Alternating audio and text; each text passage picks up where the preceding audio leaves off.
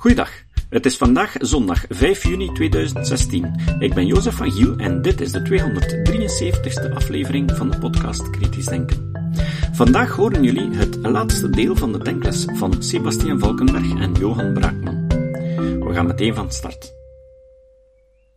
Willem, misschien uh, wil jij even de microfoon aan. Ja. Ik ook zeggen hoor. Uh, ja, voor, de zekerheid kan je Ja. Uh, ik wil een beetje de advocaat van de duivel spreken. Uh, zijn. Uh, als we spreken over dus die verschillende culturen, uh, democratie, ja, weet ik niet wat, zijn een aantal mensen die bewondering hebben voor een mierenkolonie, een bijennest en zo, waarin dat die maatschappij blijkbaar perfect kan functioneren.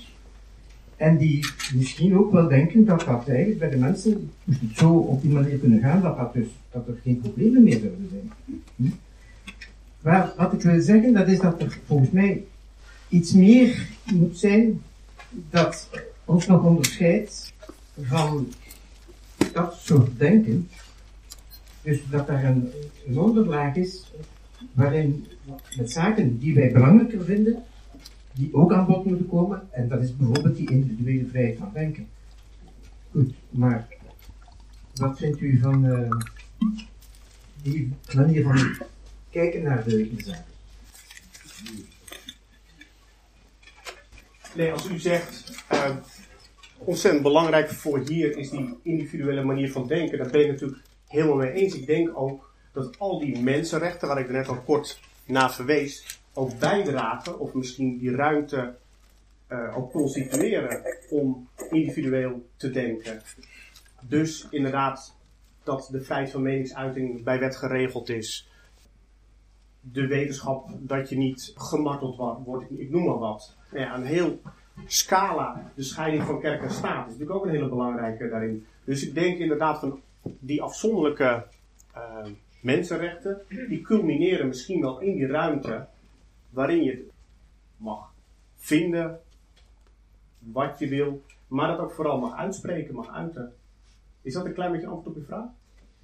Nee, mijn vraag is, is dat een premisse die je stelt, of uh, van waar komt dat ergens? Dat je, dat je daarvan vertrekt, want je zou het kunnen even goed vertrekken, zoals in, in Mieren ook van, het is de koningin die met pheromonen alles regelt. Dus de, koning of weet ik niet wat, die met, wat dan ook, kan zijn maatschappij regelt. Nou we hebben natuurlijk wel geëxperimenteerd met verschillende politieke vormen. En als u zegt uh, de mierenkolonie als voorbeeld, dat doet mij sterk denken aan het communisme. Dat is ons niet heel goed bevallen in de 20e eeuw. En dan nog zou ik denken van de huidige politieke setting geeft tenminste nog de maximale vrijheid om dan te experimenteren met verschillende levensvormen. Immers, omdat in, bij wet geregeld is dat je ook vrij bent om, om in allerlei groepen te organiseren.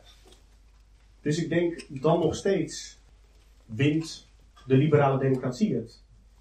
Ja, uh, maar ik denk dat in lang verleden tijden, dus waarin dat mensen geloofden dat God alles regelde, ja dat zij dus eigenlijk meer in de situatie zaten dat zij dus het recht niet hadden van individueel te denken.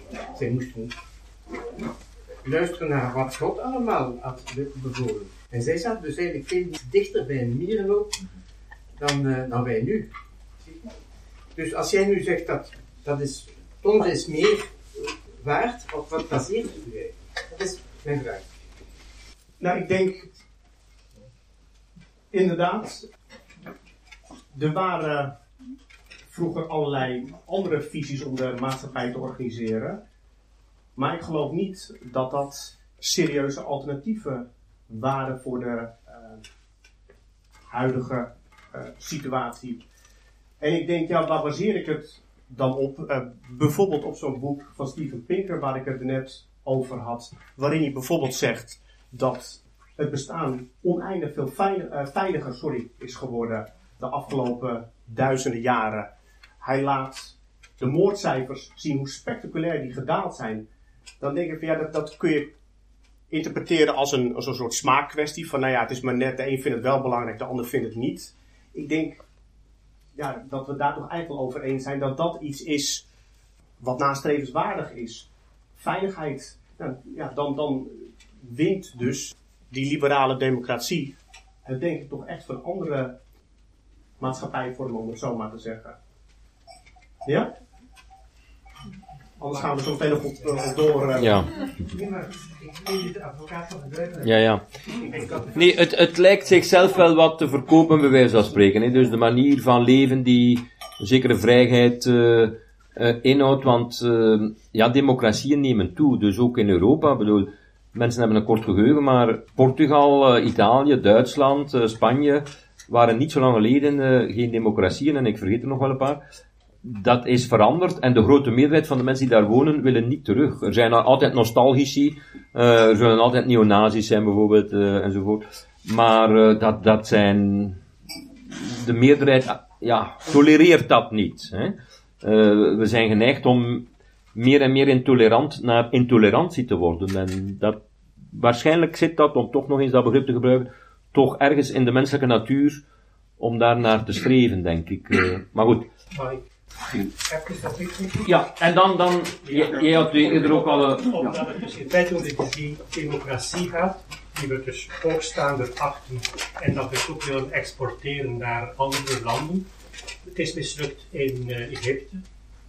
Daar had de democratie een duidelijke uitslag en men heeft het opzij geschoven om bepaalde redenen. We hebben het zoveel jaren eerder ook gehad in Algerije, waar de VIS ook de, de meerderheid had. Hebben het opzij geschoven. Ja. Dus we zien dat de democratie op tot bepaalde limiet komende een zwakte begint te vertonen. Namelijk, letterlijk, de meerderheid beslist.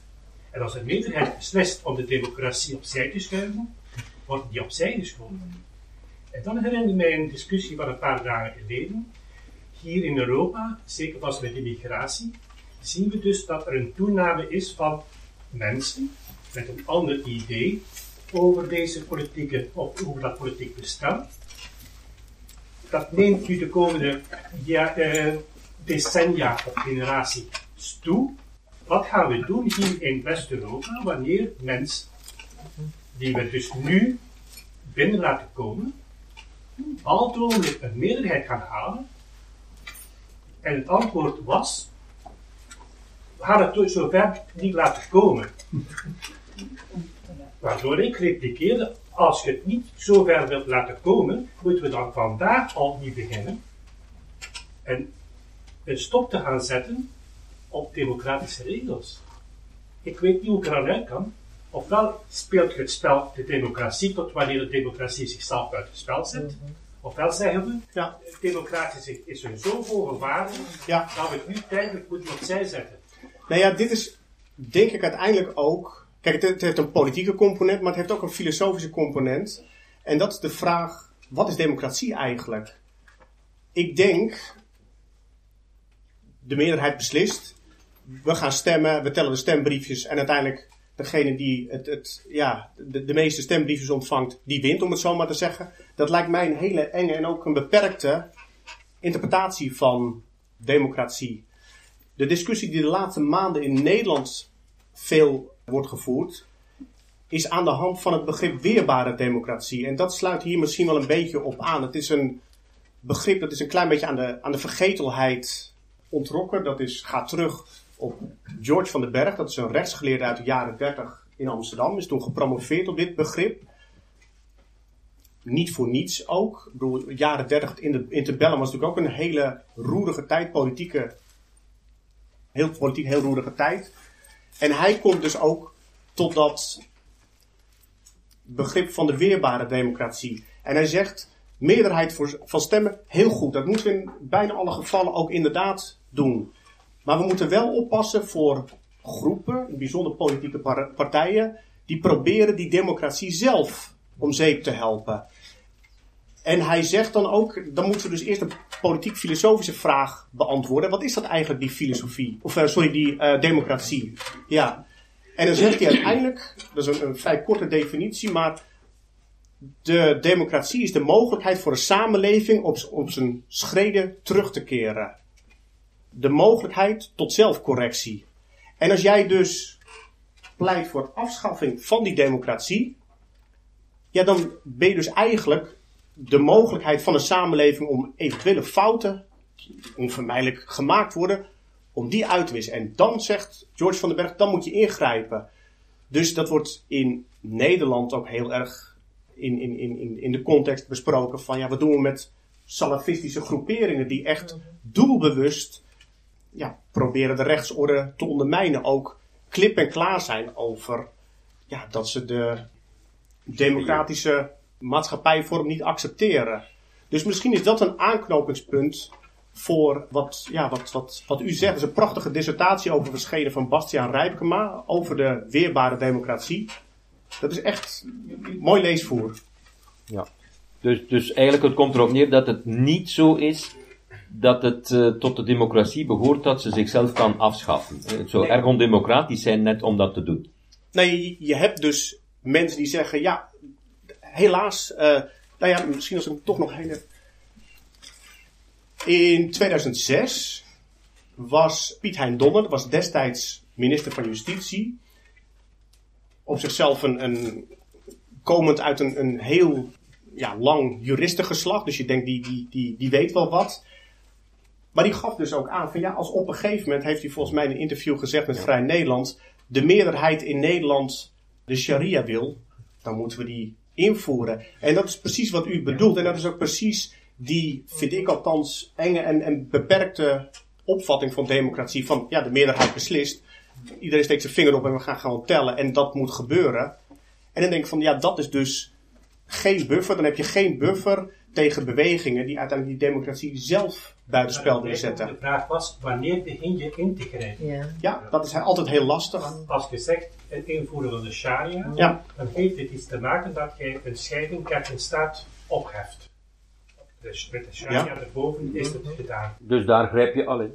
Ja. ja, maar dan is het misschien al te laat. Als wij zien dat sinds de verlichting ergens een scheiding van kerk en staat is in onze maatschappij, maar de facto is dat dus niet het geval. Ja. Met andere woorden, we zijn al 200 jaar bezig en we hebben niet ingegrepen. Integendeel, ten opzichte van die idealen van 200 jaar geleden, hebben we in feite een recul op moeten maken. En we laten het gebeuren.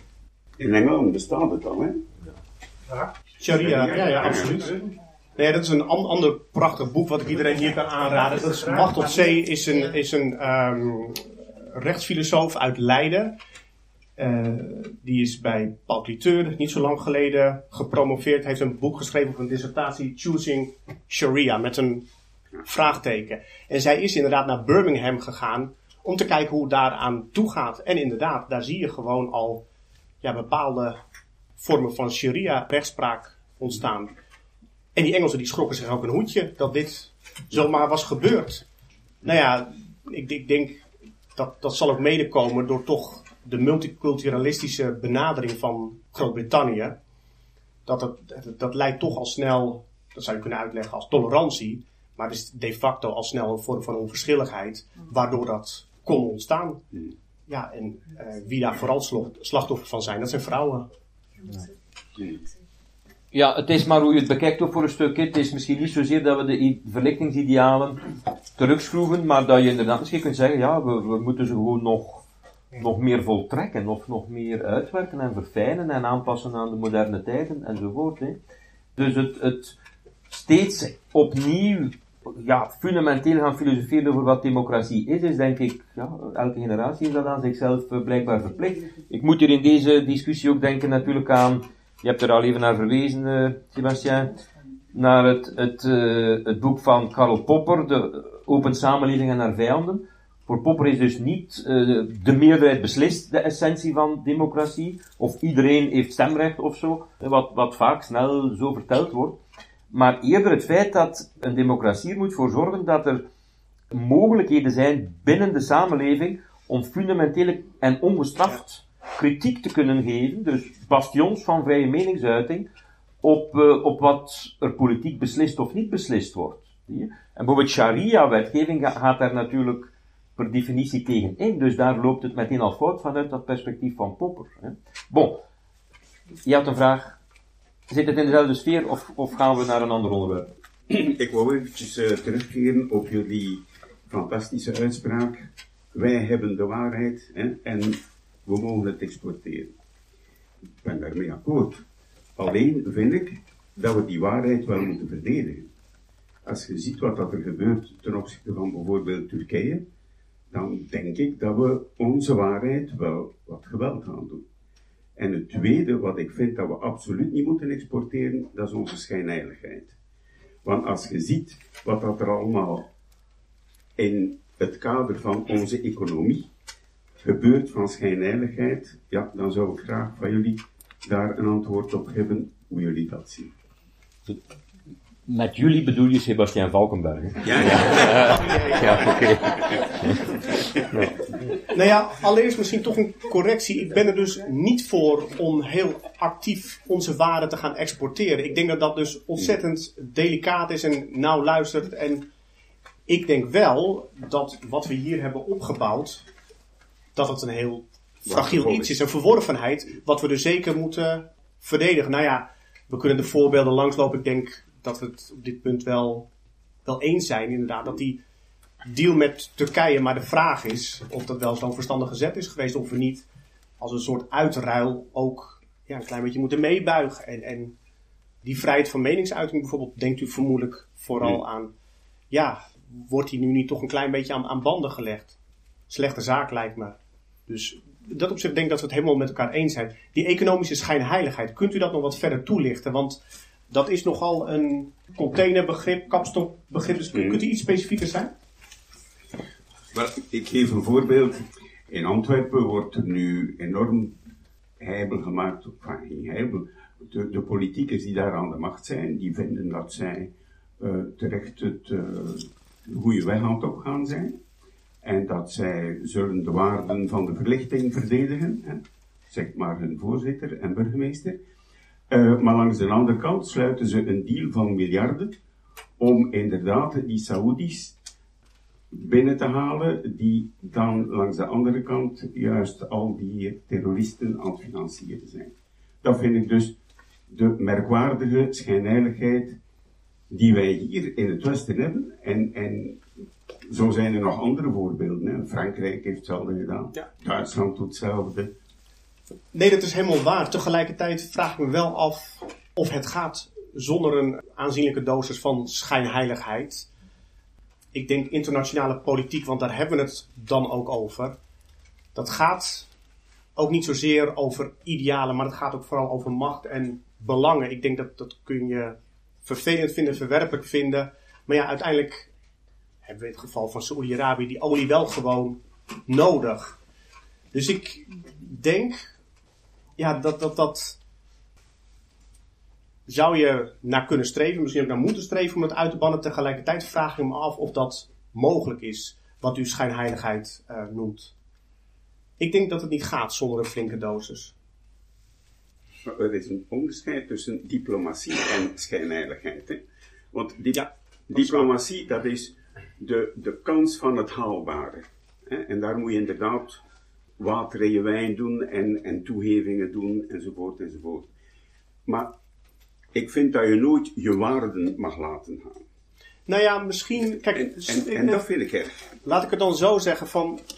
Het heeft dan ook consequenties als je besluit om met allerlei schurken geen zaken meer te doen. Stel dat wij zeggen tegen Poetin, we willen uw gas niet meer. Ja, dan, dan koop je daar een, een, een aanzienlijke mate van autonomie mee. Maar dan moet je dat wel ergens anders vandaan halen. Nou ja, bij ons zakt de provincie Groningen in elkaar door het gas. We hebben ook gezegd, schaliegas gaan we niet naar boren. Dus ja, het, dan, dan worden de opties ook wel een klein beetje beperkt. Dus het, het, het, het, is wel ook van, van, van tweeën één, denk ik. Ja, ja. Eh, dit is een avond Skeptics in de pub. Ik associeer niet nog Skeptics, nog pub met urenlang doordrammen. Dus eh, misschien moeten we zo stilletjes aan. eh, we zijn anderhalf uur bezig. Binnen afronden. Misschien zijn er nog één of twee slotvragen.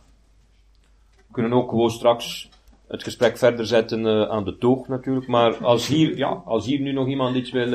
ja, om verder in te gaan op de opmerking van Mark daar straks rond democratie. Hè. En jullie zeiden zelf al zo'n beetje dat democratie is niet de meerderheid van de stem.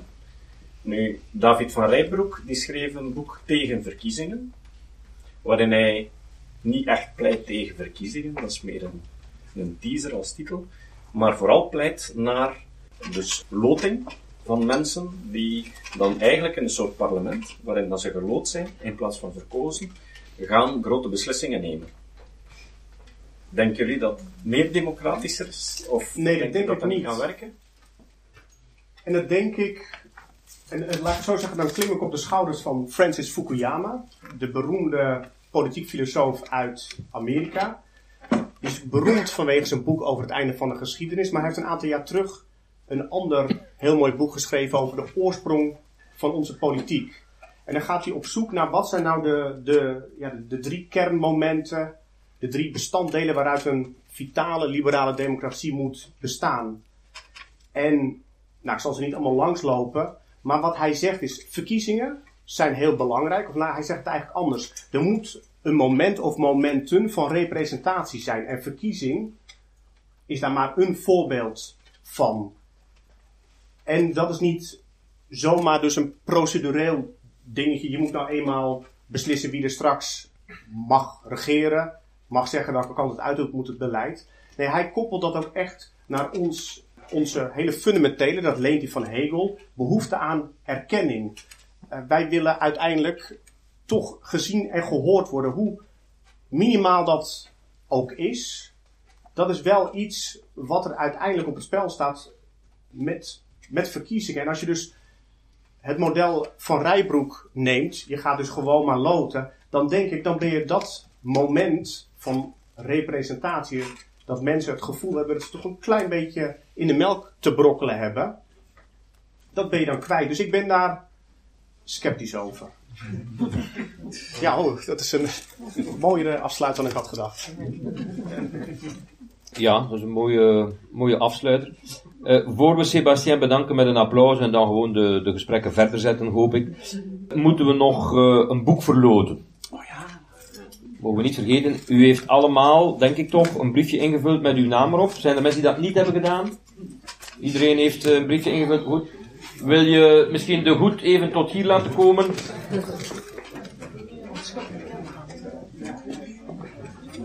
Ja, ik heb hier een onschuldige kinderhand gevonden in de figuur van deze mevrouw nu. Eh, dus wil jij daar een briefje uit, eh, uit plukken? Ja, en, en luid op voorlezen welke naam erop staat, als je het kunt lezen. Philip van Beurden. Ja.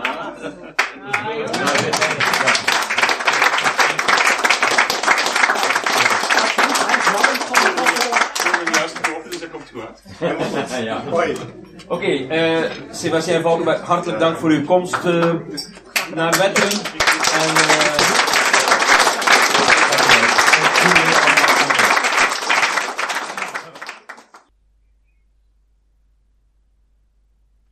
Het citaat. Het citaat van vandaag komt van Rudyard Kipling. Kipling was een 19e-eeuwse Britse schrijver. Zijn bekendste werk was het Jungle Book. Rudyard zei: Het eerste slachtoffer van de oorlog is de waarheid. Tot de volgende keer. Deze podcast is het resultaat van het werk van veel mensen. Rick de Laat verbetert bijna al mijn teksten en maakt de meeste vertalingen. Emiel Dingemans verzorgt onze website en Facebookpagina. Ook Leon Korteweg en Stefan Sutens schrijven, vertalen of verbeteren soms artikelen. Leon onderhoudt bovendien het YouTube-kanaal van deze podcast. De muziek van de intro en de trailer heeft Nick Lucassen geschreven en soms maken we ook gebruik van muziek van Ad van Nederpelt, die ons zijn prachtige composities ter beschikking stelt. Dit was de podcast Kritisch Denken. Vergeet niet om alles kritisch te behandelen, ook deze podcast. Voor verdere informatie over deze podcast, links en voor de tekst, surf naar www.kritischdenken.info. Als je deze podcast belangrijk vindt, kun je me steunen door anderen warm te maken ook eens te luisteren. Stuur een e-mail naar vrienden met een link naar de website en plaats de link in de handtekening van je e-mails. Tevens kun je op iTunes deze podcast een beoordeling geven of een recensie schrijven. Of je kan op je eigen website of blog een link naar kritisch denken plaatsen.